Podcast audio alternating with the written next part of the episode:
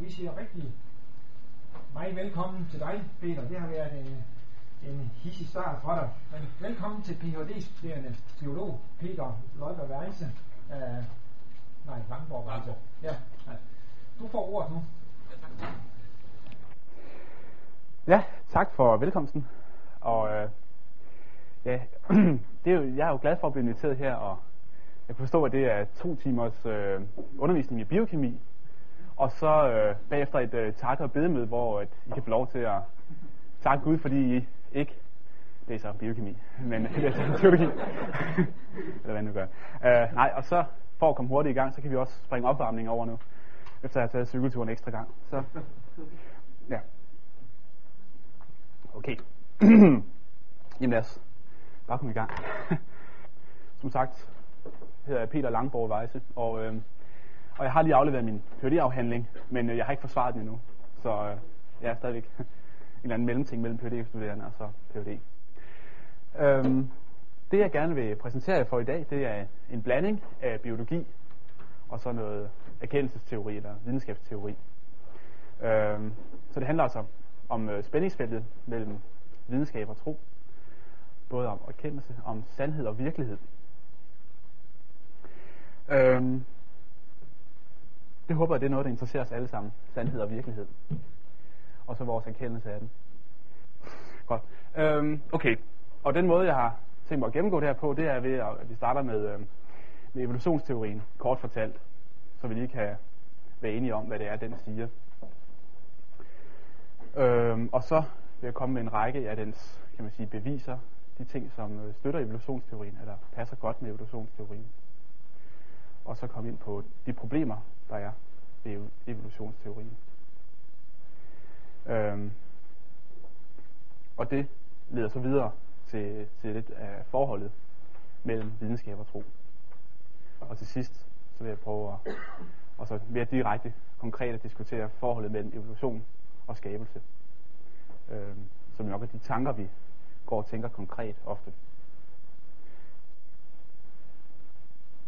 Okay. Øhm, meget kort skitseret, så går evolutionsteorien ud på, at, øhm, at hvis der er små, altså at, at alt liv det har udviklet sig igennem en masse små, gradvise ændringer, og at der ved hver ændring har været en eller anden forhold, øh, en fordel i forhold til, til den eksisterende udgave, han har sagt. Så er der en, en lille fordel, og, og det har så på en eller anden måde drevet udviklingen. Så det er altså de to vigtigste ingredienser i udviklingslæren. Det er, at der er, øh, at den foregår i små, gradvise ændringer, og der skal være en fordel ved hver ændring. Øh, et tænkt eksempel på det, som kan illustrere det, det er giraffen Gert, som jeg kalder ham. Øh, der er en tilfældig ændring i giraffens arveanlæg. Og det gør, at giraffen Gert den får en lidt længere hals. Det kan være mange forskellige ændringer, der kan gøre det. Det kan måske være han har sagt, lidt ekstra væksthormon, eller en eller anden lille ændring øh, i en af knoglerne, der, der gør den lidt længere. Giraffen Gert har en lidt længere hals end de andre giraffer. Og det gør så, at han kan nå de blade, eller han kan nå en, en millimeter mere af de blade, der sidder øverst oppe i træerne. Så han får masser af føde tilgængeligt. Han slipper faktisk for konkurrencen med alle de andre giraffer. Derfor blev han den stærkeste han i en miles omkreds, og han får mange koner og mange børn. Øh, og de arver farens lange hals. Eller nogen af dem gør i hvert fald. Så de klarer sig også ekstra godt. Og øh, dem, der ikke har så lange halse, de begynder efterhånden at bukke under for konkurrencen med familien Gertsen. De, øh, de er simpelthen for hårde til at nå bladene. Og på den måde, så gentages den her historie så igen og igen. Og så på den måde kan grafens hals blive længere og længere. det er også ingredienserne. En lille ændring, som giver en fordel. Og så spredes det som ring i vandet. Og det er sådan set, det er sådan set de mekanismer, som, øh, som er det, kan man sige, det sikre grundlag for, for den moderne forståelse af, af udvikling, af evolution. Okay, hvilke ting passer så, eller støtter så, at, at det her faktisk har foregået? Det er sådan en ting som, at øh, arter ligner hinanden meget. Øh, nogle arter ligner hinanden meget. Øh, oprindeligt så, så gik det jo op for Darwin, eller han fik de her idéer, hvor han havde set nogle finker på Galapagosøerne. Og finkerne øh, lignede jo sådan set hinanden en hel del, altså finker er jo finker, fordi de ser ud som en finke gør. Men de var lidt forskellige, altså forskellige næblængder og den slags ting. Og øh, så der, der var altså store ligheder, og alligevel forskelle. Øhm, så det er en ting, som passer fint med, at, at tingene har udviklet sig fra hinanden. Øh, så er der fossilerne, altså at man kan finde forsteninger af, af forhistorisk liv. Og øh, mange vil også hævde, at de, at de øh, som set er bevismateriale for, at evolutionen er sket. Øh, der findes blandt andet en masse forstenede dyr, som, øh, som ikke findes nulevende. Øh, man kan sige, at livet har set anderledes ud før, end det gør nu. Altså må det have, have, have udviklet sig og ændret sig. Sådan kan man sådan kortfattet slut. Øhm, det var altså et andet område. Det tredje område, som øh, også støtter den her udvikling, at den kan ske, det er så øh, observationer og ændringer. Så nu kan sige, giraffen Gert her, øh, det var så et tænkt eksempel, men, men kan man sige, lignende ting, for eksempel farveskift af, af en art. Øh, man kan forestille sådan noget som, hvis man tager nogle kaniner og smider dem op øh, i polaregnene, og øh, så antager, at de overlever længe nok, så vil det, altså, så vil det nok være et spørgsmål om tid, før at, at de vil være hvide. Øh, den slags ting, den slags eksperimenter kan man lave, øh, og, og den slags observationer har man også gjort sig i naturen, hvor det inden for en beskeden overrække, eller måske et spørgsmål om inden for et år, der kan man godt observere sådan nogle ændringer. Øhm, og det, det, er sådan set, det er sådan set de mekanismer, jeg har forklaret, som er grundlaget for evolutionsteorien. Dem kan man godt observere i laboratoriet. Så man kan godt sige, det, det er sikker viden. Det kan ske det her. Så det støtter jo også evolutionsteorien. Og det hænger meget tæt sammen med det næste punkt her, med de klarlagte mekanismer. Altså man, man kender sådan set de mekanismer, øh, helt ned i detaljer. Man kender, hvordan arveanlæggene er opbygget. Man ved, hvordan der kan ske mutationer, altså fejl i arveanlæggene, og man har eksempler på, øh, hvordan sådan nogle fejl, øh, enten kan man sige, hvis de er skadelige, at de øh, forsvinder eller bliver formindsket i, en, i en gruppe af, af organismer, og hvis de er gavnlige, at de så øh, bliver udbredte og bliver almindelige, selvom det måske til at starte med kun en enkelt, der har sådan en ændring, ligesom giraffen giver. Øh, så, så det har man sådan set styr på. Og så en anden ting, som jo nok er, i hvert fald ifølge Popper måske, er, er, er noget af det, der gør, at evolutionsteorien øh, har fået så stor udbredelse, eller så stor slagkraft, som den har. Øh, det er simpelthen, at den er så enkel og elegant. Og det vil man jo gerne have af en videnskabelig teori. Øh, altså, man vil gerne have en, en videnskabelig teori så, så simpel som overhovedet muligt. Det skal bare gerne selvfølgelig stadig kunne forklare de observationer, man gør. Evolutionsteorien er jo meget simpel. Så jeg har forklaret den her i den helt kort udgave, der består det sådan set af to principper. At der er ændringer, og at hvis der er fordel i dem, så bliver de bevaret. Det er jo simpelt, og det kan faktisk, ifølge evolutionsteorien, forklare stort set alt, hvad vi ser i naturen. Så det er jo egentlig en fantastisk teori. Det er ikke mærkeligt, at den er populær og udbredt.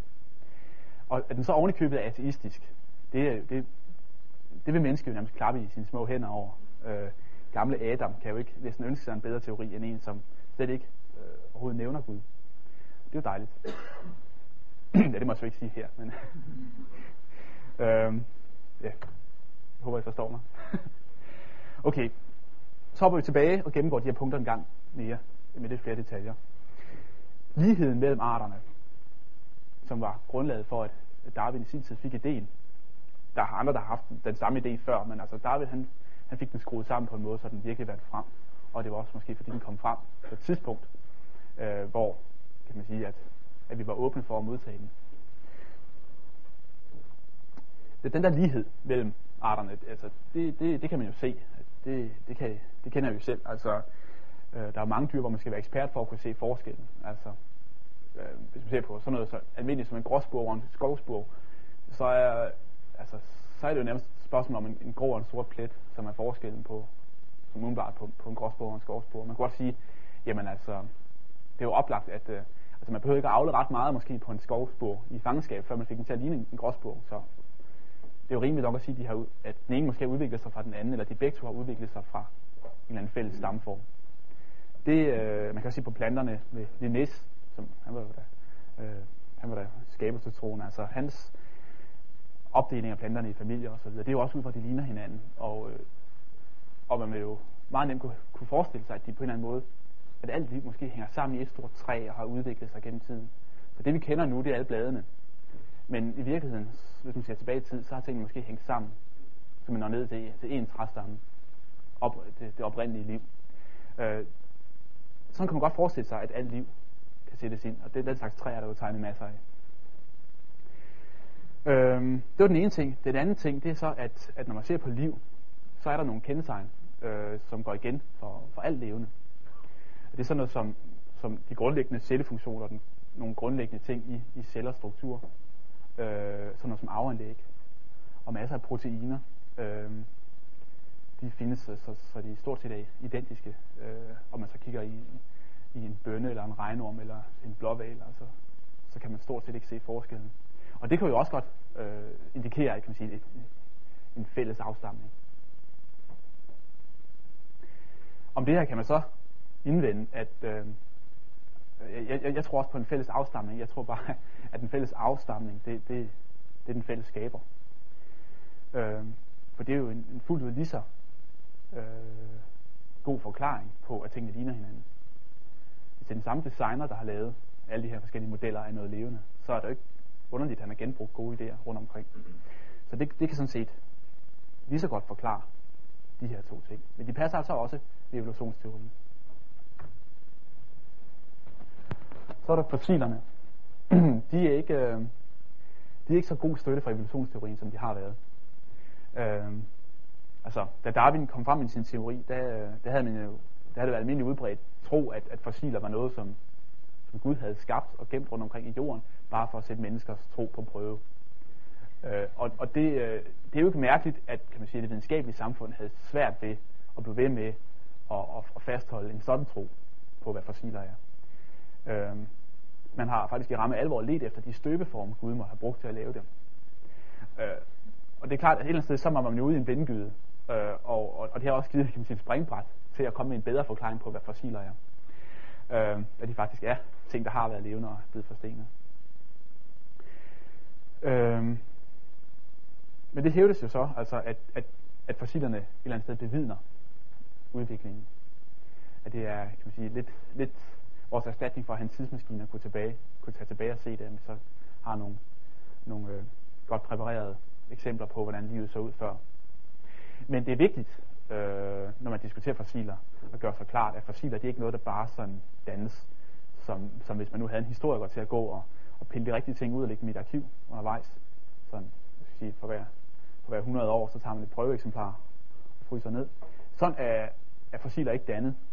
Øh, og, og det siger lidt sig selv, fordi det, det kan vi se nu, altså hvis, hvis der er et dyr, der dør, så ligger det ikke og bliver til fossil ude på, på græsplænen, vel? Det bliver, altså det bliver et, ikke? eller rødner. Øhm, og altså når man har fundet hele, hele træer, som er blevet til fossiler, og, og ja, altså fundet fantastisk velbevaret, sådan set, organismer i alle størrelser, øh, så er det klart, at der må være set et eller andet, som har gjort, at de er blevet til fossiler. Det er specielle omstændigheder, der skal til. Og det vil så, øh, det kan bruges begge veje den her viden om, at fossiler ikke sådan er dannet repræsentativt. For man kan sige, at livet har udviklet sig gradvist. Øh, vi kan godt nok ikke se de i fossilerne, det er fordi, de ikke er blevet dannet sådan hele vejen jævnt under en udvikling. Det var set ud som om, at udviklingen er sprængvis, når man ser på fossiler. Øh, omvendt kan man så sige, jamen øh, fossilerne viser ikke, at udviklingen er gradvis. Det vil sige, der er ikke noget kan man sige, forhistorisk bevismateriale for en gradvis udvikling. Og der, dermed hænger postulatet om en gradvis udvikling tilbage i tid, sådan set bare øh, som, som det der er, et postulat. Så det kan bruges af begge lejre, det her. Og det gør faktisk nok også, at fossiler ikke er ret diskuteret længere. Øh, og det, det er det nok øh, kan man sige, i, i undervisningsbøger og den slags, men, men øh, det er ikke noget, som er et debatemne for alvor mellem kreationister og evolutionister længere. Men det er godt nok at vide. så har jeg lige et par citater her, Mr. Pist fra. Øhm, her en, en doktor, Michael Denson, som siger, uh, There's no doubt, as it stands today, the fossil record provides a tremendous challenge to the notion of organic evolution.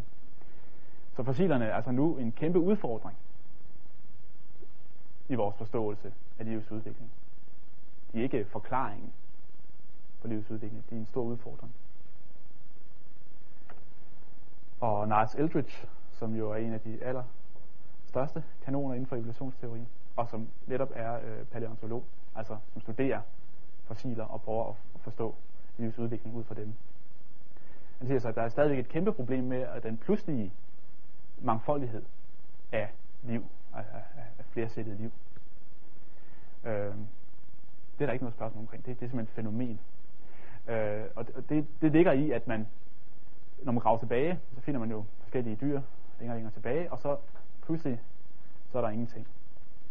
Øh, så man går så, når man graver ned, så går man faktisk fra at have øh, ingenting, øh, og så stort set så siger det bare paf, så har man et mylder af forskellige livsformer.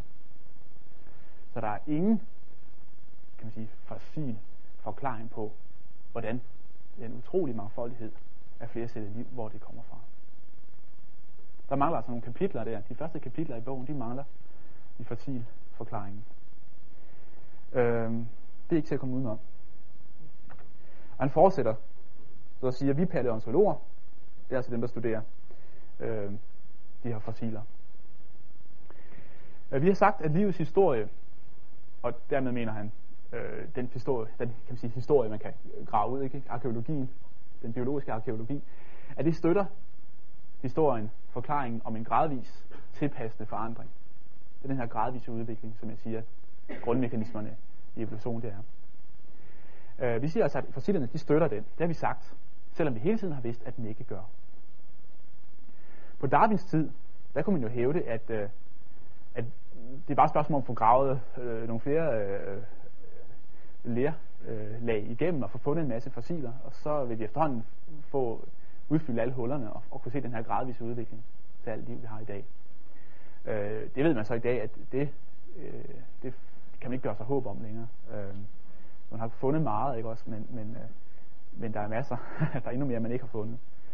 Øh, så den der gradvise øh, forandring, den er ikke understøttet af fossiler. Og når ham her indrømmer det, så, øh, så skal man synes, det er utroligt, at folk kunne hæve det modsatte. Men det er der så stadigvæk mange, der gør. Som hævder, at, at øh, fossilerne er glimrende beviser for evolutionsteorien. Øh, det vil sige, det er enten folk, som, som øh, er gode til at bilde sig selv det ind, eller så folk, som simpelthen bare ikke ved, hvad de taler om. En anden her, Colin Patterson, han siger så om overgangsformerne, altså jeg vil sige, de ting, som hvis man skal, man skal komme fra en eller anden livsform til en anden. For eksempel skal man komme fra, fra, øh, fra øh, en fisk til, til en padde et eller andet tidspunkt, forestiller man sig. Og overgangsformer, der siger han, jeg vil sige det som det er, der er ikke et eneste fossil, hvorfra man kan lave et vandtæt argument. Øh, der er selvfølgelig en masse lærebogseksempler, øh, som man vil se. Så, sædvanligvis er det Archaeopteryx, altså urfuglen. Den får man jo stort set altid at se, og det er fordi, den er sådan, øh, måske nok det bedste eksempel, man har.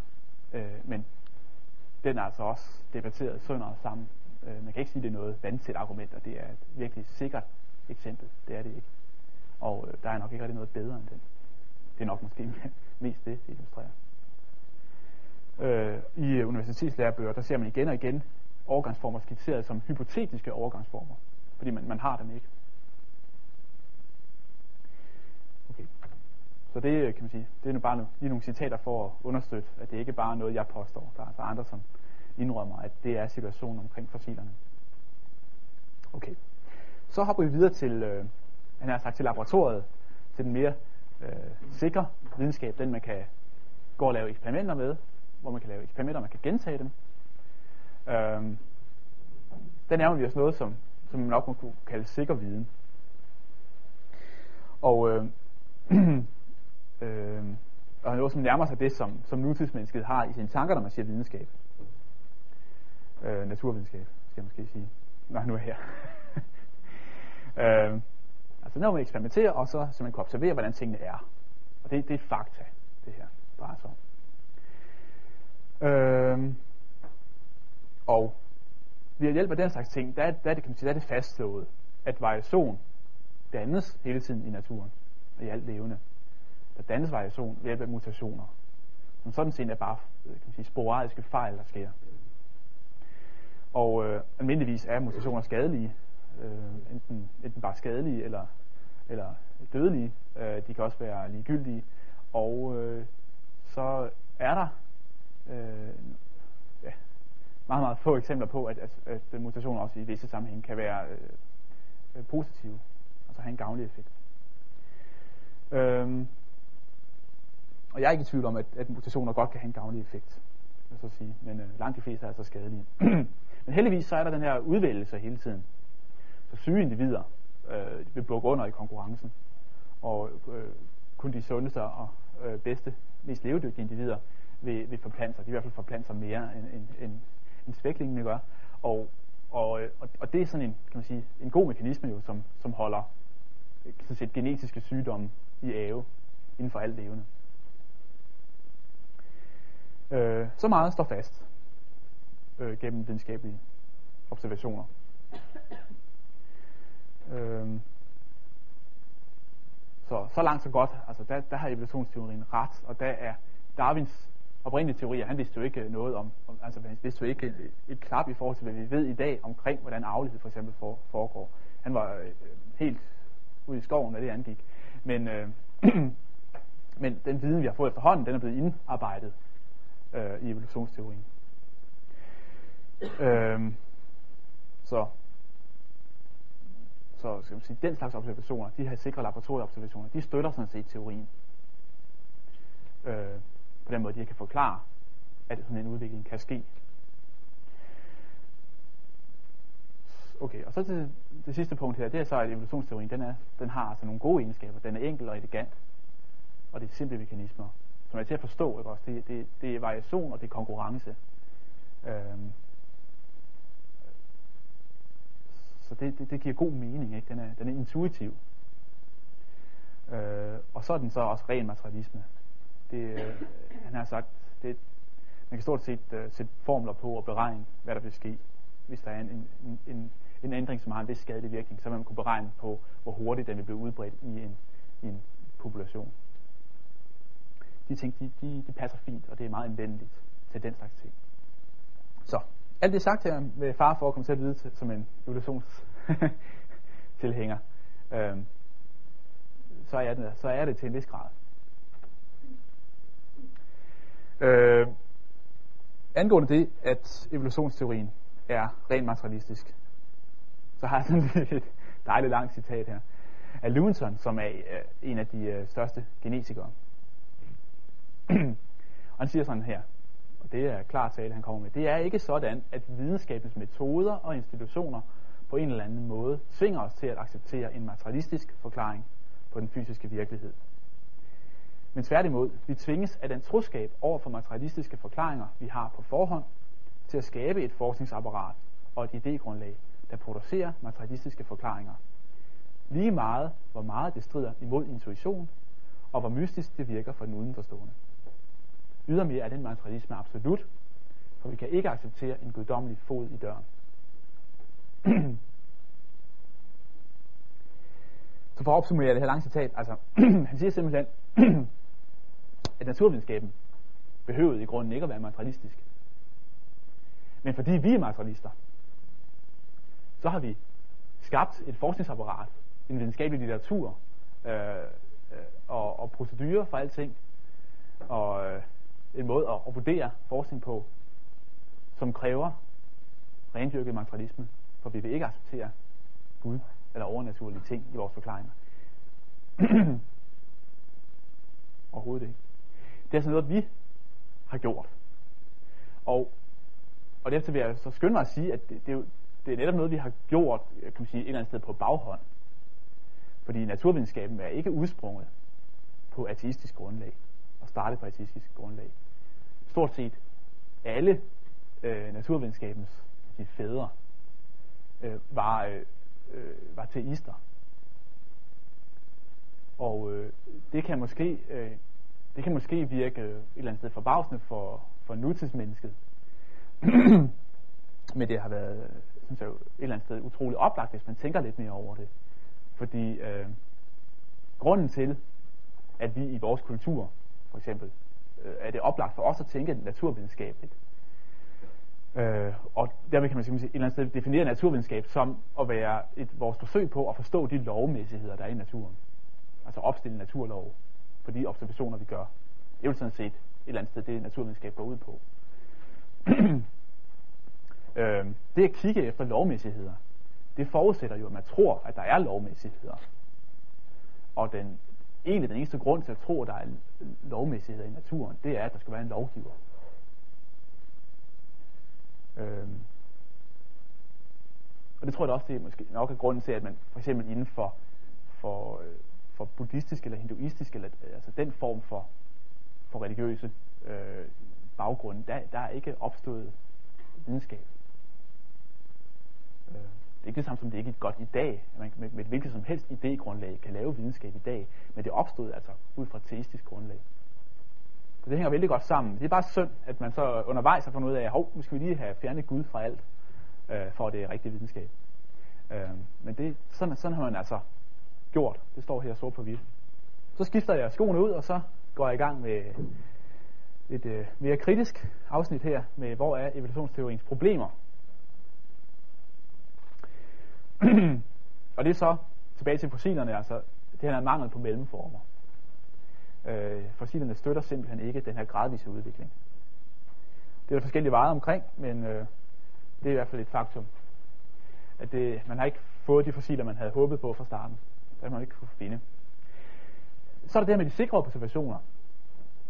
Det man kan lave i laboratoriet, det som jeg kalder sikker viden. Øh, når det så kommer til evolutionsteorien, som den er i, i sin fulde sammenhæng, så er det jo en øh, ekstrapolation tilbage i tid. Fuldstændig ud i det vilde. Altså, øh, vi kan observere nogle, på nogle få år her, eller inden for et menneskeliv, kan man observere nogle ændringer. Men når vi går ind og siger, at det er forklaringen på hele den udvikling, der er sket de sidste 4 milliarder år, øh, så er man jo ude i, i noget, man jo sådan set ikke har nogen som helst data for. Øh, og der kræves noget mere af udviklingen, øh, for at den kan forklare alt liv, som det er i dag, end det, man kan gå ind og observere i, i laboratoriet. Øh, det vil jeg i hvert fald hæve det. Det er et springende punkt. Men øh, det er altså meget vigtigt at gøre sig det her klart, at de observationer, vi gør nu og kan gentage, og som er for den sikre viden, de bliver altså strukket over evne, når, når vi skalerer det op til den fulde evolutionsteori, som vil hæve det, at alt liv i dag øh, har en fælles stamform. Og at de her mekanismer, som vi kan observere i dag, er forklaringen på det. Det er et postulat. Det er ikke sikker naturvidenskab. Og så er der det her med øh, alle de ting, som, som jeg vil hæve det, der ikke er forklaret. Altså når man laver det hop fra den sikre viden i laboratoriet, og så til, at det er det, der er sket, og forklare alt liv. Øh, der er en hel række ting, som man ikke har nogen forklaring på. Det er sådan noget som for eksempel øh, DNA, altså vores arvemateriale. Øh, hvordan det er opstået. Proteiner, hvordan de er opstået. Hvordan den celle, første celle, hvordan den er opstået. Øh, altså hvordan livet simpelthen er, ja, livets oprindelse. Det, øh, Darwins bog hed jo altså arternes oprindelse, den hed ikke livets oprindelse. Det var en god grund til. Øh, i, jeg mener, i de første udgaver, der, der, der tror jeg også, han var omkring, at, at det første liv uh, formodentlig var skabt. Øh, han var jo han var jo sådan set teolog. okay. Øh, og så er der noget, et stort emne, som jeg ynder at tale om, men som jeg ikke kommer ret meget ind på i dag. Det er det, som jeg kalder ikke reducerbare strukturer. Og øh, det vil sige, det er altså, ja, det er ting, der er så kompliceret og som kræver en række komponenter for at fungere. Og den slags ting er der mange faktisk, der hævder nu, øh, at de ikke kan forklare sig evolutionsteorien. Så der er en hel masse dejlig biologi, der ligger i det punkt. Så det skal jeg spare jer for i dag. Jeg regner med at køre for nedsat dose på det område i dag. Øh, og så det sidste, som er spændende og meget, måske nok meget relevant for jer, det er så omkring den, den manglende opmærksomhed, der ofte er øh, på evolutionsteoriens sådan metafysiske og ubeviselige natur. Det hævdes jo op ad døren ned ad stolper, altså, at den er videnskabeligt bevist. Og det vil jeg gerne have navlet en pæl igennem i dag. Okay. Fossilerne, dem har jeg vist snakket nok om, tror jeg. Det jeg bare vil sige her, det er, at øh, der er langt flere øh, missing links, som jeg så har fået at vide. Det kalder man dem ikke længere, men det forklarer mig så godt, hvad det er. Der er mange flere missing links, end der er links. Altså, der er meget mere, man mangler at finde, end det, man har fundet i fossilerne. Øh, der gøres også en masse fund, som ikke passer med evolutionsteorien. Øh, det tror jeg måske er det, der et eller andet sted inspirerer mange, der beskæftiger sig med det her, altså evolutionsbiologi og paleontologi.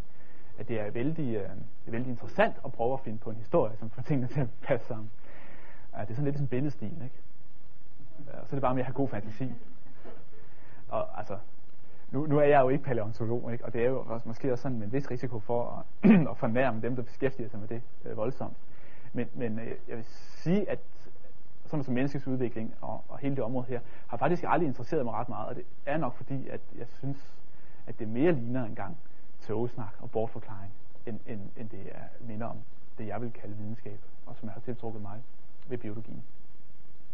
Men langt hen ad vejen, så holder man fast i traditionel tænkning, og derfor består området. Og derfor ser man jo igen og igen lærebøger fyldt af den slags, og man ser jo vægge smurt over med, med den slags ting på naturhistoriske museer og sådan noget. Øh, dejlige store modeller af hulemænd og andet godt. Øh, som jo er, altså, mest af alt fantasifoster, og ikke, ikke naturvidenskab. I hvert fald ude i en gråzone, som, som jeg ikke giver meget for. Okay. Øh, Stephen Gould, som er øh, en af de største kanoner inden for øh, evolutionsbiologien. Øh, han siger også, at de her, de her stamtræer, som vores lærebøger er fyldt af, de er baseret på, på slutning. På, på en rimelig slutning. Øh, men altså ikke på, på beviser i fossilerne. Jeg tror, det han gerne vil sige, nu er det jo sådan et fuldstændig ude af kontekst det her. det han vil gerne vil sige med det, altså han er ærke-evolutionist. Det han vil sige, det er, at, øh, at vores... Øh, at, at selvfølgelig, selvfølgelig er de rigtige nok, de her træer, altså det, de her stamtræer, de, de, de er garanteret rigtige, men, men vi må bare være opmærksom på, at, at fossilerne er ikke sådan set et godt bevisgrundlag for det, men det er en meget rimelig slutning ud fra det, vi trods alt ved. Øh, jeg vil bare vente nogen, der så sige, at øh, det er lige præcis en slutning ud fra noget, man ved, men der er altså en hel masse, man ikke ved. Så det er en slutning, der ikke beviser. For igen og igen, altså, gør det jo skrevet også af, af førende folk inden for, inden for sådan et felt som det her, at der er masser af beviser. Men dem har, dem har Google åbenbart ikke stødt på. det er jo latterligt. Ja. okay, hvad ved videnskaben? Den ved altså mere end ingenting. Øhm, der er observationer, som helt klart støtter evolutionsteorien, den moderne evolutionsteoris mekanismer. Mutation og selektion, altså udvælgelse, det fører til ændringer. Og det her, det leder så videre til den påstand, at den her, de her mekanismer, det kan forklare hele livets mangfoldighed. Det er meget vigtigt at se det spring. Altså, der er faktisk meget langt her imellem, mellem linjerne her. Øh, men det, det vil man normalt øh, stort set ikke opdage i debatten. Øh, det er nemlig sådan, at, at det øverste heroppe, der er baseret på observationer, det er sådan set øh, altså inferens. Øh, det betyder, at det, det, det, det slutter man sig til ud fra gentagelige observationer. Hvor dernede, det er en adduktiv forklaring, en adduktiv slutning. Øh, når vi kigger tilbage i historien, eller gætter os tilbage i historien. Vi har nogle fossiler hist og pist. Vi har nogle øh, geologiske dateringer, som giver en masse tid at spille med. Øhm, og så, øh, så gætter vi sådan set meget langt tilbage i tid. Øh, og det er altså en adduktiv slutning, og den har øh, en meget, meget usikker status videnskabeligt. Så at tale om, at, at, at der er noget, der er videnskabeligt bevist hernede, det, det, det, er, det er altså at vride ordet bevis helt ud i det ekstreme. Det er meget vigtigt at være opmærksom på det. Og man kan sådan set, altså som, som jeg har gjort, øh, I har nok, måske ofte hørt skælden mellem mikroevolution og makroevolution. Det er ikke en skælden, man, man jeg tror, det er faktisk, tror jeg faktisk kun det er noget, man gør inden for, for, for, for, for kreationistiske kredse, han har sagt, inden for skabelsestroende kredse, at man laver den her skil, øh, sondering mellem mikroevolution og makroevolution. Det er ikke som sådan fagudtryk. Men det her op, det kan man jo godt kalde mikroevolution. Det er de her små ændringer, som kan ske inden for en eller i hvert fald. Øh, hvorimod det hernede, det er jo i den grad makroevolution. Og det er ikke det samme. Det er et postulat, at mikroevolution over tilstrækkelig lang tid fører til makroevolution. Altså det er jo af gode grunde ikke observeret. Man kan jo ikke forlange, at nogen skal observere, om en frø kan udvikle sig til, til, til, til, til fire ben i, i løbet af en million år. Det kan man jo ikke kræve af folk. Altså, de kan selvfølgelig godt gå i gang med eksperimentet, men man kan nok ikke kræve for at ende slutningen på det i hvert fald. Øhm, og, og det gør altså, at altså den, der, den der sondering, den er utrolig vigtig. Og så har der altså været et, et skønt citat her fra et, videnskabeligt tidsskrift her. At microevolution accounts for the survival of the fittest, not the arrival of the fittest. Uh, så det er altså lige præcis det, at, uh, at det, den er god nok, når det kommer til, til overlevelsen. Den er god nok, når det kommer til, til, de her, til konkurrencen og udvælgelsen. Det fungerer fint. Men hvordan man kom dertil, det svarer den ikke på. Så kommer jeg til mit, mit yndlingsafsnit, de komplekse øh, biologiske strukturer. Øh, dem er der rigtig mange af. Og, øh, og biokemien, den er propfuld med meget komplekse strukturer.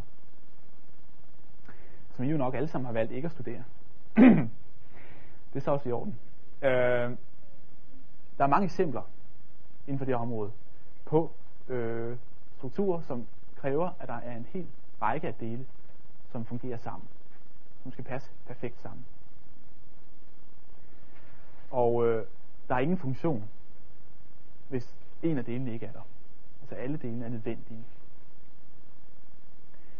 Og den slags fænomener, de er en hovedpine uden lige for evolutionsteorien.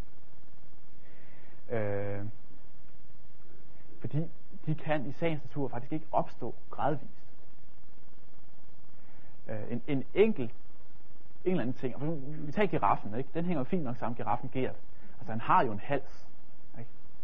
Han er jo en velfungerende organisme i forvejen. Og som jeg sagde, måske en enkelt mutation kan måske godt bevirke, at der bliver lavet noget mere væksthormon, og så bliver giraffen altså større. Man kan faktisk lave mus på, på næsten på rottestørrelse ved at, ved at opregulere mængden af væksthormon. Så og det kan måske gøres med ganske få, altså måske en enkelt mutation. Så, øh, så man kan sige, at store ændringer kan godt, kan godt ske øh, med en enkelt mutation. Ikke? Men der er utrolig langt til at lave en giraf med vinger. Ikke? Altså der skal jo enorme mængder af ny information til. Øh, og i det taget så sådan noget som vinger, det er jo også egentlig et, kan man sige, det er et, gammelt eksempel, men sådan set et gammelt parallel til, til de biokemi, biokemiske øh, strukturer nu. Altså, hvor kommer den slags opfindelser fra? Ikke? Og der har man jo så forsøgt at finde en gradvis, altså man skal have en gradvis vej til alting. Ellers øh, holder evolutionsteorien ikke, så kan den ikke forklare det. Og man har forsøgt at for eksempel at forklare vinger, altså de må have en anden funktion, ikke? Altså man kan ikke, der kan ikke bare opstå vinger, man kan flyve med. Der skal jo enormt mange ting til, for at man kan flyve. Vingerne skal jo kræve, der kræves jo en hel masse vinger, ikke? Øhm, der skal være en masse muskulatur og knogler, og det skal være de rigtige længder, og, og knogle, hele, hele skelettet skal være så let, så, så dyret ikke vejer for meget. Ikke? Altså, det ender man med sådan noget, der ligner en pingvin. Og det, altså selvfølgelig kan man være pingvin undervejs måske, men, men altså, så er der bare en masse andre ting, der skal ændres, og, og hele, altså fuglens hjerne er jo også øh, helt specielt, sådan, så de er dygtige til at orientere sig tredimensionelt. Altså, øh, hvis man går fra, fra et landlevende dyr så til noget, der skal orientere sig i luften, så går det nemt galt. Altså. Man kan jo se, hvad der sker af flyvelykker, når vi beskæftiger os med det, øh, selvom vi har en masse elektronik til at hjælpe os. Øh. Så der er, mange, der er masser af krav, der skal til, for at man kan flyve. Øh, det kan man så godt sige, de kan jo så komme til undervejs. Men, men hvad, hvad bruger man vingerne til, indtil de bliver gode nok til, at man kan bare blafre nogenlunde med dem? Ikke? Og der har for eksempel været kommet med den fabelagtige idé, at man kan bruge dem til at fange fluer med. Ikke? Glas. Og ja, det er utroligt, at den slags kan kaldes naturvidenskab. Ikke? For hvis man postulerer sådan noget, så kunne man jo prøve at tage en fjer, og så gå rundt og, og baske fluer med den. Ikke? Det kræver mere end, det kræver mere end god tid at udvikle sig på den måde. Ja. Men parallelt til det, så er der altså en masse biokemi.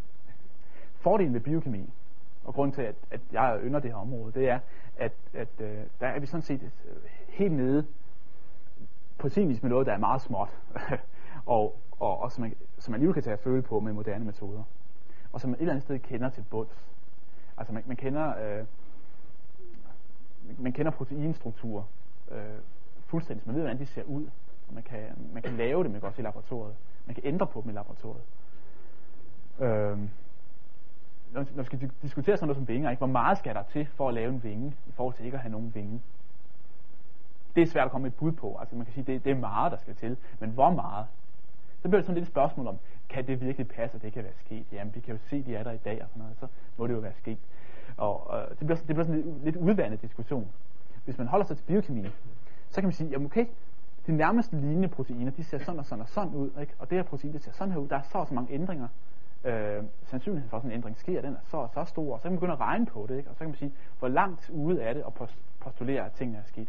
Hvilke andre funktioner kan der være undervejs? Men det kan man også forholde sig til. I princippet vil man kunne lave proteinerne og ændre dem i laboratoriet, og se, om de så har en anden funktion, eller hvor god funktionen er, hvis de så så så meget anderledes ud. Det vil sige, at man kan sådan set eksperimentere med det, og man, og man kan ligesom fastholde det og sige, jamen den her den består af fem forskellige proteiner, ikke? hvor kommer de fra? Frem for at sige, vingen er meget kompleks, den kan ikke opstå af sig selv. Jo, den kan. Altså, på den måde, så er biokemien et bedre område at diskutere. Fordi det er ikke så nemt bare at løbe ud i sandet med, med fantasifulde forklaringer. Og det er nok grunden til, at det har været, altså det, det, har, det, har, det har vagt meget genlyd i den videnskabelige verden, at der har været den her debat omkring øh, de her ikke reducerbare komplekse strukturer. Det er sådan en bevægelse, der hedder Intelligent Design, øh, en amerikansk bevægelse, som rigtig mange øh, biokemikere tilslutter sig på nuværende tidspunkt. Ikke sådan, så det er blevet kan man sige, anerkendt. Det, det, er stadigvæk, det, kan man sige, det, det er stadigvæk en form for ny udgave af kreationisme, som, som er, er, er rimelig forhat. Men det er trods alt, fordi det er så håndfast, håndfaste argumenter, så er det ikke så nemt at komme udenom. Øh, og det står ind på ting, hvor man har utrolig ringe forklaringer, hvis man overhovedet har noget fra evolutionistisk side. Øh, og det hænger også sammen med, at det er så nyt et område. Altså, det er inden for de sidste 20-30 år, at, at, at den viden er, er kommet til omkring de her ultra små strukturer i alt liv. Og det vil sige, at man har ikke haft ret meget tid til at et eller andet sted at inkorporere det i evolutionsteorien, eller justere evolutionsteorien til at omfatte det her. Som det er lige nu, så, så, så kolliderer det fuldstændig med evolutionsteorien. Det har man så valgt at ignorere. Men det er så det, den her intelligent design bevægelse, den puster til, at det kan man ikke blive ved med at ignorere det her, og postulere, at evolutionsteorien passer fint med noget, som den overhovedet ikke siger det, det mindste om. Det er et meget, meget spændende emne, det her. Øh, nu vil jeg ikke jeg vil begrænse biokemien. I skal bare lige lære den her struktur udenad. Nej. Det er, øh, det er sådan en, en, en model her af DNA. Og øh, det I skal se i den, det er bare, at, at det består af to strenge. Jeg har den blå og den røde her. Det er jo meget pædagogisk, må man sige. Sådan er det altså ikke i virkeligheden. Øhm, og det har de også mindre. Heldigvis. Øhm, Øh, og det består altså af, af nogle, nogle, en masse ting. Blandt andet nogle baser, som rager ind her mod midten, og som passer sammen hele tiden parvis. Det er altså to strenge, som snor som hinanden. som min arm gør her, en, en dobbelt helix. Og faktisk så løber de øh, i modsat retning af hinanden. De to strenge raser. der er en, en, en tre mærke inde og en fem mærke inde på DNA. Og det kalder man det bare. Lad det bare være et navn. Det har noget at gøre med, med den kemiske formel for det, men det er ligegyldigt her. Altså en tre mærke inde på den her, den vender opad, ikke? Og så har vi den, den blå 5 mærke inde, og den er røget ud af billedet her. Og lige sådan med den, den røde, den har så 5 mærke inde opad. Det ligger altså modsat. Og det jeg godt vil øh, illustrere nu med det her, det er noget af den, her, noget af den der store kompleksitet, der er i det levende, som, som er ja, umuligt at forklare stort set, hvor den kommer fra. Men nu tager vi altså DNA som eksempel. Så slipper I for en masse proteiner i dag. Øhm, det her det er sådan en meget, øh, meget skematisk tegning af kopieringen af DNA. Det er jo helt essentielt for vores brug af arvemateriale, at det kan kopieres, sådan så efterkommerne kan arve en kopi. Og øh, den gåde er løst, hvordan det sker. Det her det er nu øh, de to strenge, vi så før. Den ene med fem mærke den anden med tre mærke inden. Og nu er de så vist, at de, som, som om det ikke var snoet. Det er de så i virkeligheden. Det er i virkeligheden snoet om hinanden. Hvis man nu åbner i den ene ende, så kan man øh, lave en kopi af hver streng. Der findes en masse, en hel række proteiner, som kan sætte sig på den her streng og lave en tro kopi, fordi de der baser passede sammen hele tiden. Så kan vi sådan ligesom finde den base, der passer til. Og på den måde, nærmest som, kan man sige, opbygge en, lyn, en ny lynlås, men altså, hvor der skal forskellige slags takker på, for at de passer sammen. Og øh, det foregår så, skal passe på den her krog, det foregår så, øh, sådan at den, den, i den ene retning, der kan man lave det, kan man sige, i en glidende bevægelse herudaf. Fordi at, at DNA, det kun kan laves øh, fra femmærkeenden mod tremærkeenden. Så man kan lave den nye kopi herovre, kan man lave en glidende bevægelse. Mens den streng herover der skal kopieres, den skal hele tiden kopieres som stumper, øh, som siden skal sættes sammen. Fordi at den altså kun kan laves i den retning hele tiden. Og det gør det jo meget mere kompliceret at kopiere den her streng herover end den streng derover. Og så kan man bare køre los, når først maskineriet er sat i gang. Herover skal det hele tiden sættes på og lave en stump, sættes på og lave en stump, sættes på og lave en stump. Og der kræves altså derfor jo en hel række af forskellige funktioner for at kunne lave den streng herover. Øh, det vil jeg ikke komme nærmere ind på. Det slipper vi for. Øh, det er ikke nyt noget, det ender med, at I kommer ud og tager den stilling, jeg skulle have. øh, men øh, en, en yderligere øh, ting, der gør det kompliceret, og som er sjov at tænke på, det er det her med, at de er snået om hinanden. Og hvis man forestiller sig et eller andet, altså noget, der er snået om hinanden, og man så tager det ind ende og begynder at trække dem fra hinanden. Man vi tænker på altså noget garn, eller hvad det nu er, øh, noget tovværk. Hvis man så bare trækker og travler det op fra den ene ende af, så snor det sig jo herop. Det snor sig jo forfærdeligt rundt, og den er knuder og kluder rundt. Og man skal regne med, det, det molekyle her, selvom det er så ekstremt småt som det er, så øh, har vi jo i hver eneste celle over en meter af det. Øh, og det er jo en sytråd. Så tynd, så at I i hvert fald er ude af stand til at forestille jer det. og det er den så lang, ikke? Begynder man at hive i den ene ende af den, så går det jo fuldstændig galt. Og faktisk så er der nogle specielle molekyler, som kan, kan sætte sig på og skære den ene streng over, sådan så det kan rotere. Og så sætte det sammen igen. Så det foregår hele tiden. Man stikker den over, og så lader den der spænding fortage sig, og så sætter sammen igen. Modsat her, der skal det jo vikles sammen igen. Ikke bare dannes, det skal også vikles. Og der sidder så nogle andre molekyler, som igen kan skære over og dreje en gang rundt og sætte sammen igen. Øh, det er jo fantastisk, at det kan lade sig gøre. Så det er ikke bare det der med, at det er fantastisk, at der findes DNA, og kan vide, hvordan det kan opstå. Jo, nogle af de bestanddele i DNA, de, de, blev måske, de kan måske laves bare med lidt, lidt lyn og lidt ultra, lidt stråling, lidt ammoniak og lidt metan, og, og tilstrækkeligt meget tid og sådan noget. Det er der jo forsøg, der viser. så er det ikke så mærkeligt, vel, at DNA pludselig vupsi opstår. Så er vi jo tæt på at have noget levende. Det er nogen, der hævder den slags. Øh, det er jo fuldstændig åndsforladt snuder, fordi det kræves enormt meget for at DNA skal opstå.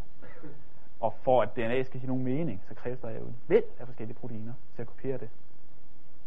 Ikke nok med det, der kræves meget mere. Og det vil jeg så lige meget kort skitsere. For at kunne videreføre arven, det vil sige for at kopiere den, for at kunne kopiere den, der skal der cirka 18 proteiner til. For at kunne læse den her DNA, og det er jo så meningen med det, det er jo ligesom en opskriftsbog. Hvis man ikke læser den, så kan det sådan set være ligegyldigt. Den skal omsættes øh, ja, primært til protein.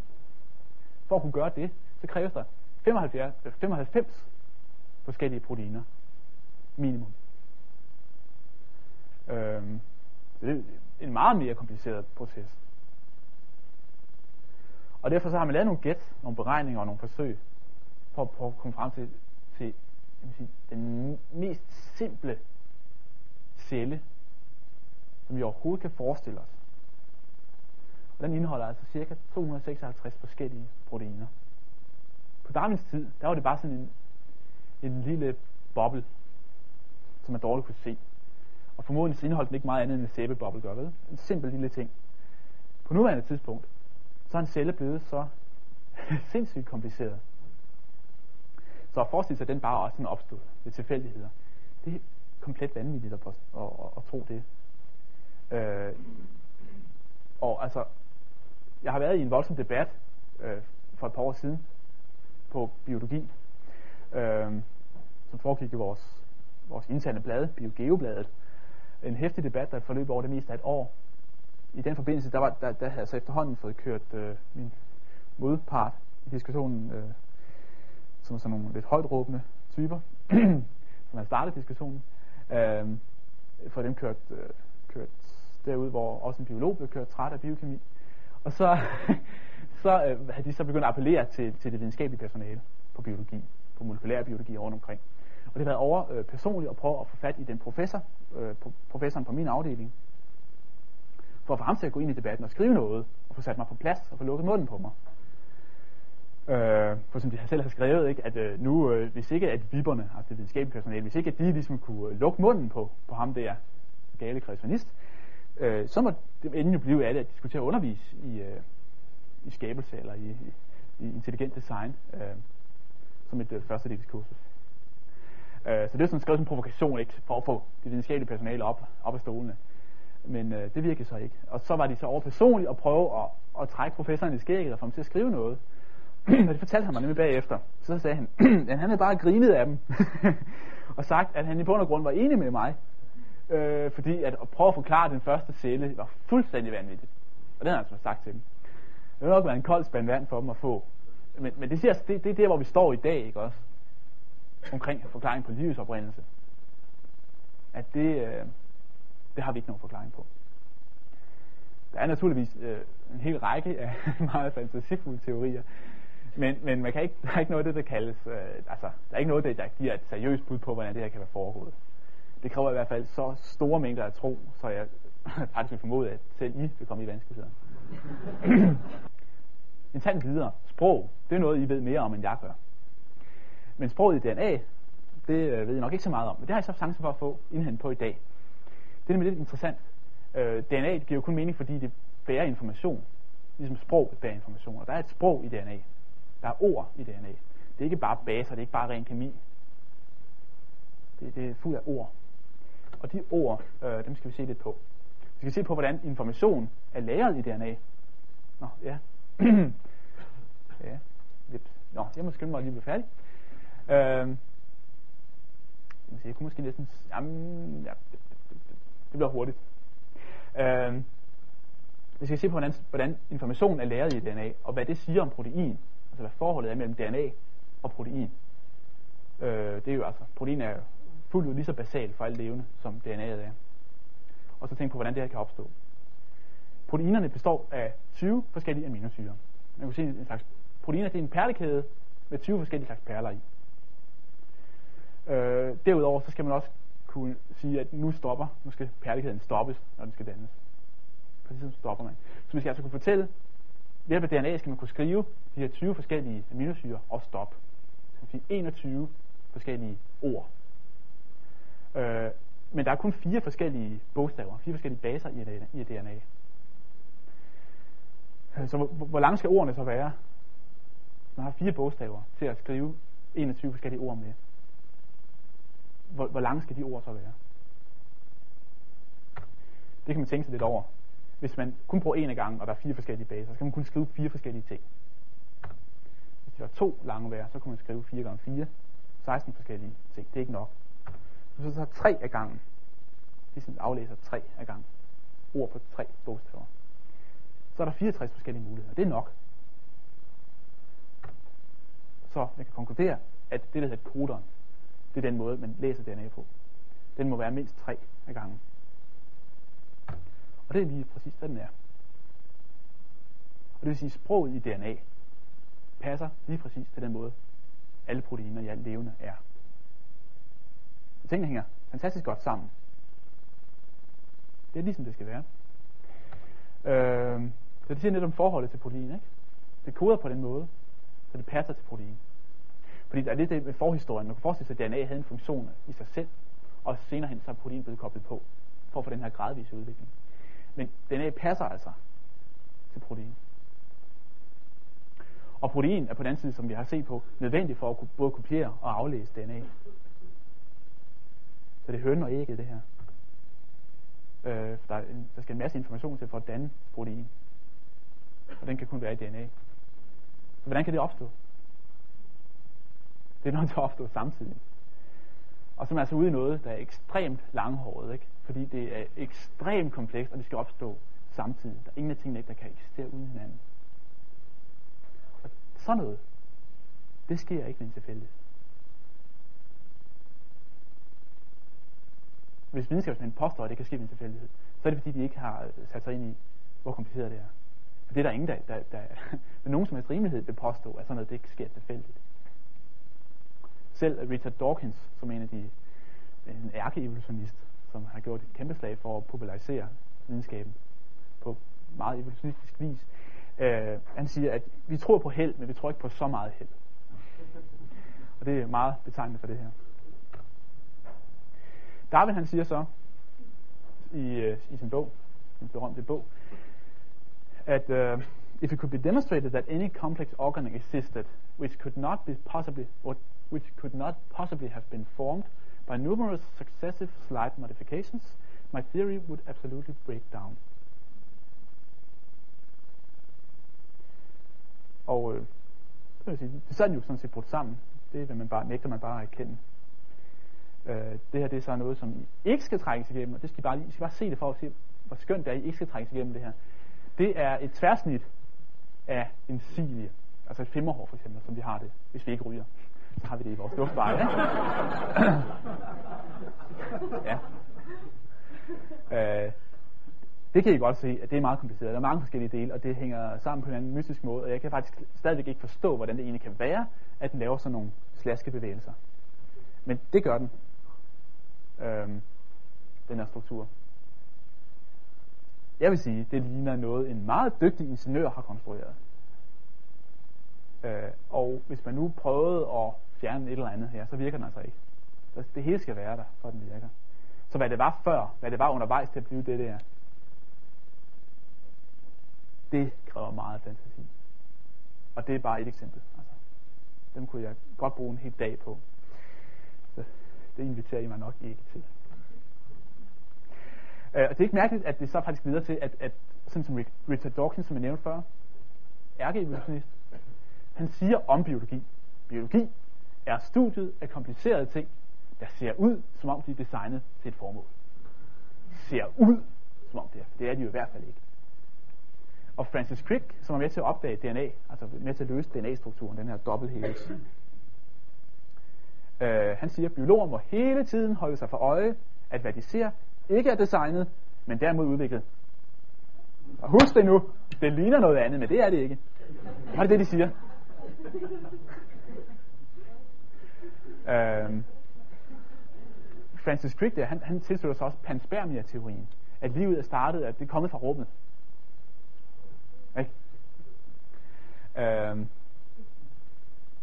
og det, altså, jeg, jeg synes, så er naivt. Altså, jeg synes, det ligner meget, den, hvor jeg tænkte mig, selv tænkte en gang, at universet kan umuligt være uendeligt. Det holder bare simpelthen ikke. Der må være en væg et sted. En stor sort væg rundt om. Og det, det, det havde det godt med i, øh, i årvis. På et tidspunkt blev jeg så, så meget ældre, så jeg tænkte, hvad er der bag væggen? Altså, og det, det svarer lidt til, at, at livet kan ikke rigtig, han kan se, så kompliceret som livet er, det kan ikke være opstået.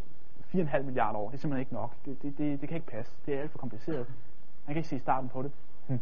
Det kommer der fra rum. Altså, det er jo... Øh, jeg ved ikke, om der findes et ord for, hvad sådan en, hvad sådan en teori det er, eller hvad sådan et kiks i ens tankegang det er.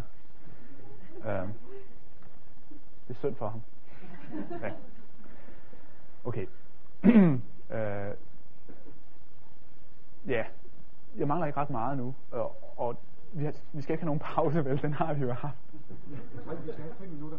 Fem minutter? Lige til Vi lige til klare tankerne, før jeg går videre med, med jo, det er fint, det er et godt tidspunkt nu nemlig.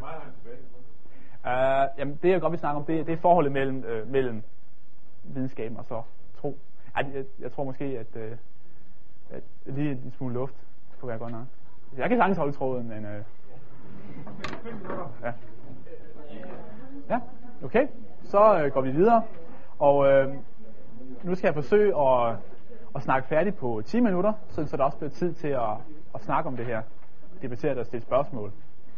Og så skulle vi gerne være færdige sådan cirka klokken halv fire. Okay. Øhm, nu skal vi så se på forholdet mellem videnskab og tro. Og øh, i den forbindelse vil jeg godt kigge lidt på, hvordan vi definerer naturvidenskab. Vi har været lidt inde på det, det med, at vi har valgt sidenhen at definere det som noget rent materialistisk. Øhm, men det vil jeg gerne kigge lidt mere på. Og, øh, og så vil jeg komme ind på, at, at, at tro er forudsætningen for viden, og at materialisme er en blindgyde. Øh, og på trods af det, så er det desværre sådan, at positivismen ikke er død. Øhm, så man er nødt til at forholde sig til det her igen og igen. Men, lad os se på det. Det er det samme citat, som jeg havde før. Og øh, så I så glade ud, da I læste det før, så jeg behøver nok næsten ikke at kværne det helt igennem igen. Men det han sagde, det var, at, at øh, vi er egentlig ikke tvunget til materialistiske forklaringer. Det er, nogen, øh, det er noget, vi selv tvinger os til. Vi definerer selv naturvidenskaben på den måde, at den skal være rent materialistisk. Vi vil ikke acceptere en guddommelig fod i døren. Øh, og det, selvom det altså strider imod intuition, i stand som de citater, jeg havde før omkring øh, både Francis Crick, at øh, man skal holde sig for øje, at det er ikke er designet, men udviklet. Det strider simpelthen imod intuitionen. Men vi vælger selv at fastholde en materialistisk naturvidenskab. Øh, og det er altså et eller andet sted så er det her et kernecitat, fordi at øh, øh, jeg tror på en eller anden måde, så, så forstår de fleste mennesker naturvidenskab som, som værende noget, et, et faktum, og det er en forklaring, som er rent materialistisk, altså nærmest mekanistisk. Øh, og mange føler nok, at det simpelthen er virkeligheden. Virkeligheden, den er sådan set bare det, vi kan måle og veje. Sandheden, det er det, vi kan måle og veje. Og videnskaben beskriver alt det, der kan måles og vejes. Videnskaben er sandheden. Øh, men det er den ikke vi har valgt at definere videnskab som materialistisk, og lade være med at kigge på andet end det, der er materialistisk. Og det er et valg, vi har gjort. Okay, så er vi på en myte. Dem skulle I være eksperter i herover. Øhm, tro er teologiens område. Fakta er videnskabens område. Upsi. To adskilte områder. Ingen problemer, ingen kollision. Ingenting at sige hinanden. øhm, det er noget forfærdeligt vrøvl. Øh, og det vil jeg gerne lige rapple igennem en række øh, sådan mere filosofiske citater her.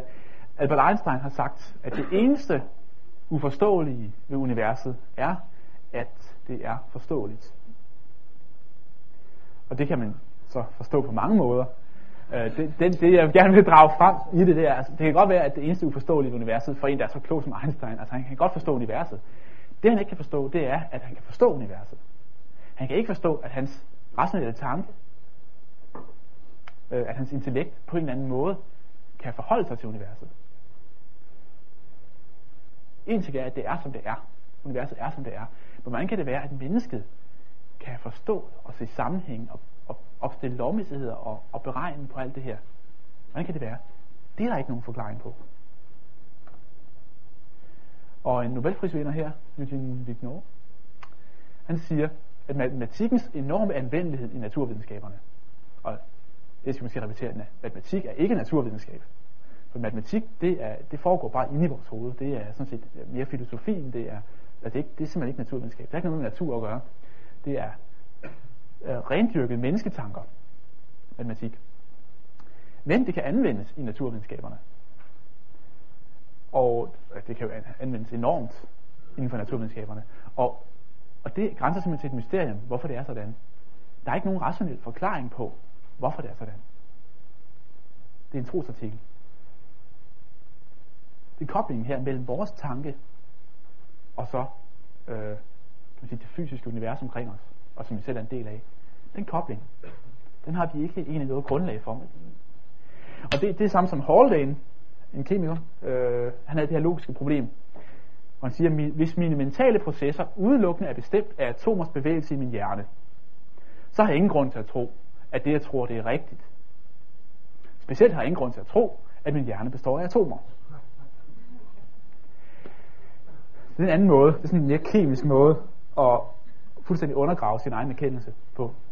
Men det er sådan et eller andet sted der, vi står, hvis vi gerne vil være rene materialister. Og det vil sige, at altså materialismen, den, den saver den gren over, den selv sidder på. I ren materialisme er der intet grundlag for at tro på vores egen erkendelse og vores intellekt og vores rationelle tanke. Så hvis vi gerne vil være fuldstændig materialister, så ved vi ikke et klap om noget som helst. Det er lidt ærgerligt, hvis man skal være videnskabsmand samtidig, så ikke ved noget. Ja. Øh, godt. Et andet citat inden for den her ramme, det er altså også Karl Popper, som siger, jeg er nået til den konklusion, at darwinismen ikke er en testbar teori, men et metafysisk forskningsprogram. En mulig ramme for testbare videnskabelige teorier. Det kan det her med det testbare. Det er den sikre videnskab. Evolutionsteorien er ikke som sådan testbar. Der er en masse ting i den, som ikke er testbare. Den er ikke en videnskabelig teori. Det er en metafysisk ramme. Og dem kunne der være mange andre af, altså, ja, kan man sige, af, af lige så religiøs natur. Øhm, og her er så grunden til, kommer man videre, her er grunden til, at darwinismen er blevet næsten universelt accepteret. Den teori om tilpasning var den første ikke-teistiske og teismen var værre en åbenlys erkendelse af fiasko. Så den væsentligste kvalitet ved evolutionsteorien er, at den ikke er ateistisk. Det er en ateistisk ramme for videnskaben. Det er ikke videnskab. Det er ikke naturvidenskab. Det er metafysik. Og det er selvfølgelig Karl Popper. Øhm, han er jo ikke en her hvem som helst. Godt. Øhm, og så vil jeg godt lige, øh, ja, det kan jeg stadigvæk nå. Jeg har sådan prøvet lidt at skitsere det her. Og jeg ved ikke, jeg ved ikke hvor meget en hjælp det er for. Jeg håber, at I godt kan bruge sådan nogle figurer eller sådan nogle her tegninger til noget. Altså, det er jo sådan et eller andet sted lidt matematisk det her, sådan mængdelæreragtigt. Det har vi selvfølgelig alle sammen haft en gang. Øh, det er måske mere eller mindre glade for, at I ikke har længere. Det ved jeg ikke. Jeg prøver. Det grønne her, det er simpelthen virkeligheden. Det er sandheden. Det er det, som er rigtigt. Øh, den blå kasse her, det er så, det er så øh, de kan man sige, menneskelige mulige tanker og idéer. Det kan godt være, at der er noget, der, noget, der er virkeligt, men som ikke, som som ikke, ikke er i stand til at tænke os til, eller ikke er i stand til at forstå. At vores at menneskelige forstand ikke rækker langt nok til at kunne rumme alt. Det, det vil absolut ikke udelukke. Øh, så er der en hel masse af virkeligheden, som vi godt kan forholde os til. Vi kan danne teorier om det. Vi kan forstå det, vi kan tænke på det. Så er der også ting, som slet ikke er virkelige, som vi kan tænke på. Altså eventyr, det er jo ikke virkelige, for eksempel. Vi kan sagtens tænke på dem. Så har vi de videnskabelige teorier. Øh, de dækker jo nok, altså de ligger alle sammen indenfor, hvad der er muligt at tænke på. Det er jo klart, for de udtænker også mennesker. Øh, og de øh, ligger jo nok for en stor del inden for, for det, der er virkeligt og sandt. Men der er ikke noget i vejen for, at videnskabelige teorier også godt kan, kan ryge uden for, hvad virkeligheden er så er det bare en, kan man sige, en fejlagtig teori.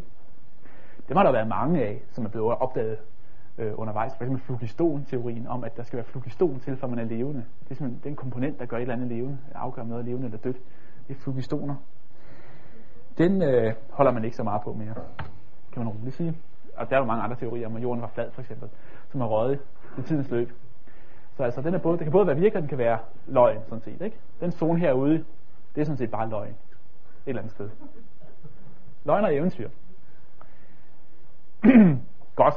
Så er der øh, naturvidenskab med stort ende her, øh, som er, så er der, hvor man kan gentage forsøg, Øh, og det område, det er jo rent materialistisk. Man kan gentage forsøg, man kan lave mekanistiske forklaringer. Så er der så mikroevolutionen. De gradvise små ændringer, man kan observere, de, de hører til herinde. Det er godt bevidnet. Og det er det, som vi, hvis vi har øh, et eller andet erkendelsesmæssigt grundlag, der siger, at vi kan bruge vores egen forstand til noget, så er vi sikre, når vi er inde i den her boks i hvert fald. Der har også været en virkelighed. Øh, altså, jeg vil jo så sige, Gud, øh, han er jo så herude. Han er virkelig, men vi kan jo ikke sådan lave forsøg med ham, gentagelige forsøg og sådan noget. Han er jo en selvstændig person, så vi kan ikke bare proppe ham ind i den videnskabelige kasse. Så er der andre videnskabelige teorier, sådan noget som øh, nogle af de her sådan meget dårlige teorier, der er omkring livets oprindelse, og også makroevolutionen, som jo, jeg, siger, jeg vil reproducere den til, til et postulat. Øh, det mener jeg altså, der, der er naturvidenskabelige teorier, som ryger ud her. Det er ikke testbare ting. Og øh, ikke nok med det, men de kan altså også, det kan også være decideret forkert. Der kan også være ting, der ikke kan testes, øh, som, som er rigtige nok, og som man godt kan lave videnskabelige teorier om.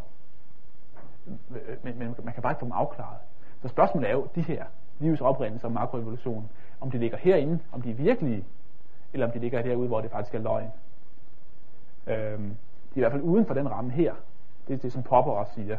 Det er ikke, det er ikke nogen testbar ting. Den kan ikke falsificeres. Det er en af hans kriterier. Man kan ikke afgøre, at det er forkert i hvert fald. Og derfor kan man heller ikke være sikker på, at det er rigtigt. Øh, så det ikke at svære rundt her udenfor. Så kommer religionen, som I så hører til inde i den her kasse et eller andet, i den her boble et eller andet sted. Øh, nu kan man så sige, at øh, med religion, der, der mener jeg øh, alle religioner, alle religiøse forestillinger. Og så kan man sige, som jeg har tegnet den, så er det uheldigt lidt plads, der er kommet herude, hvor det er løgn også.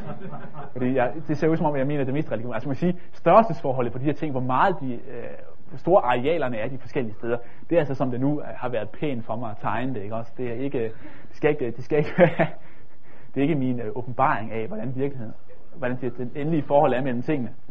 Men religionen, der er ting inden for religion, som man kan gå ind og teste på. Man kan godt lave videnskabelige eksperimenter på, om bøn virker, for eksempel. Det er der jo lavet eksperimenter på. Det mener man kan godt forsøge i hvert fald at arbejde i den mellemfase her. Der er også noget, som, øh, som er uden for videnskabelig rækkevidde. Det er der masser af inden for, for religion. Ikke? Der er en masse ting, som altså vil forblive det, som man vil sige tro. Når man kan tro på det, man kan lade være. Øh, man kan faktisk ikke afgøre videnskabeligt, om det er rigtigt. Øh, så rækker religion også til at muligvis ud og rammer ting, som ligger uden for, hvad der er menneskeligt muligt at tænke på. Altså, hvem kan rumme Gud fuldt og helt?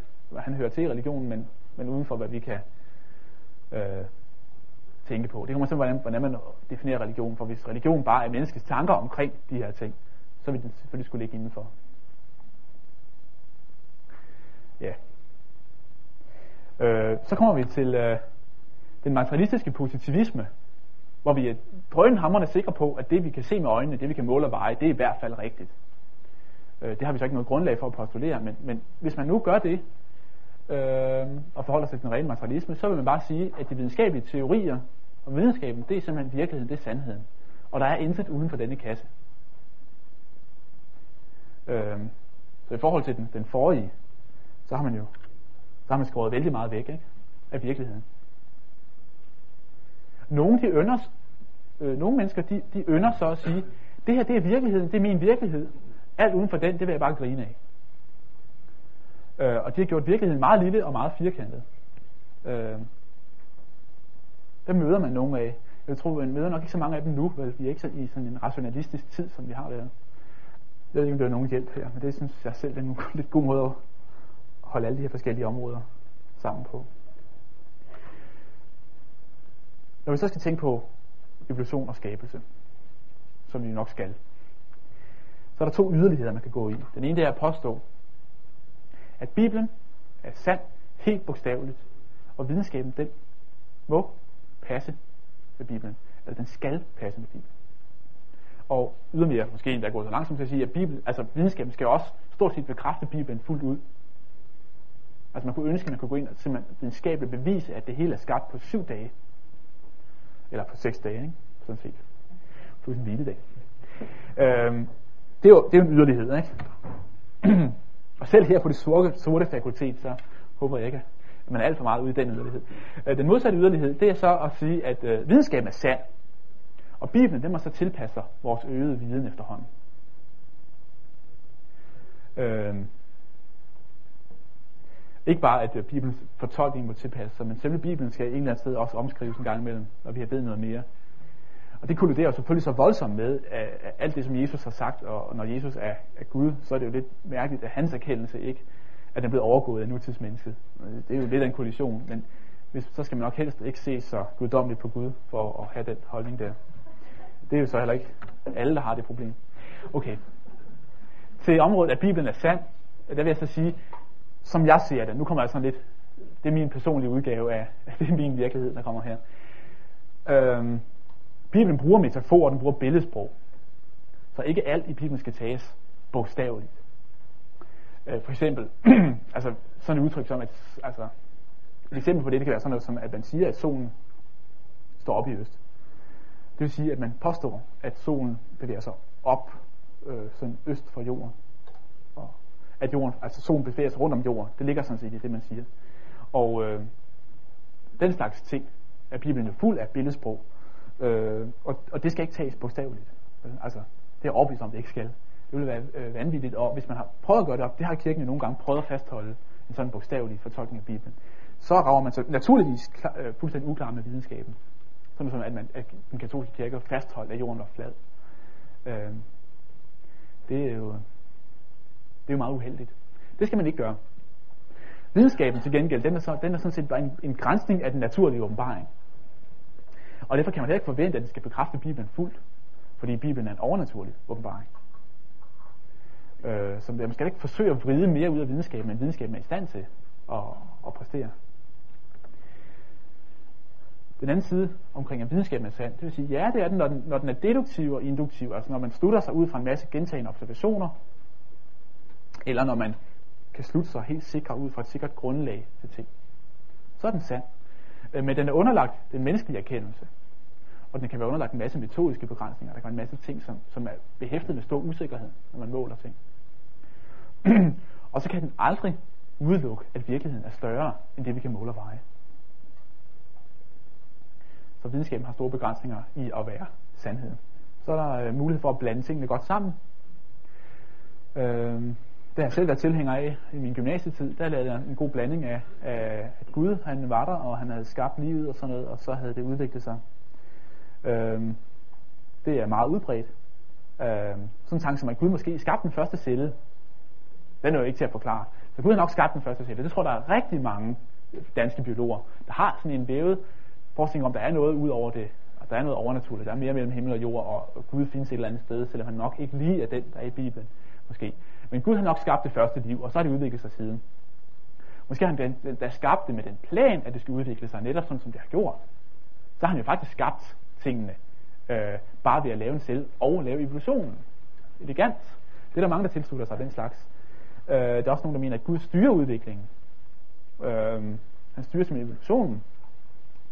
Alt det der, det vil jeg, der hvor jeg står i dag, rubricerer som at være at læfle for videnskaben. Jeg mener ikke, der er nogen grund til overhovedet at gå ind på det. Øh, for jeg mener ikke, at videnskaben er mere sikker i sine postulater, end at man lige så godt kan fastholde øh, klassisk bibeltro øh, standpunkter. Ja. Og derfor, øh, altså, og det er lidt ud fra, at øh, jeg siger, design i naturen, det kan vi simpelthen se, der er ting, der er så komplicerede, det kan ikke forklares. Vi har umuligt nogen mekanistisk forklaring på dem. Og derfor så må der være en designer, en parentes Gud. Øh, og så har han nok også forklaringen på universet, på naturlovene, på livets oprindelse, og på alle de her sådan, strukturer, vi ser alle mulige steder, som ikke er forklaret. Vinger og sådan noget, dem har han også skabt. Ikke? Så han har ikke bare skabt den første celle, vel, fordi hvor kom vingerne så fra? Øh, og meget andet. Så jeg tror, han har skabt om ikke alle arter, så i hvert fald sådan alle grundtyper, alle, alle slægterne. Og så har livet udviklet sig en smule siden. Ja. Verden ifølge Peter Weisse.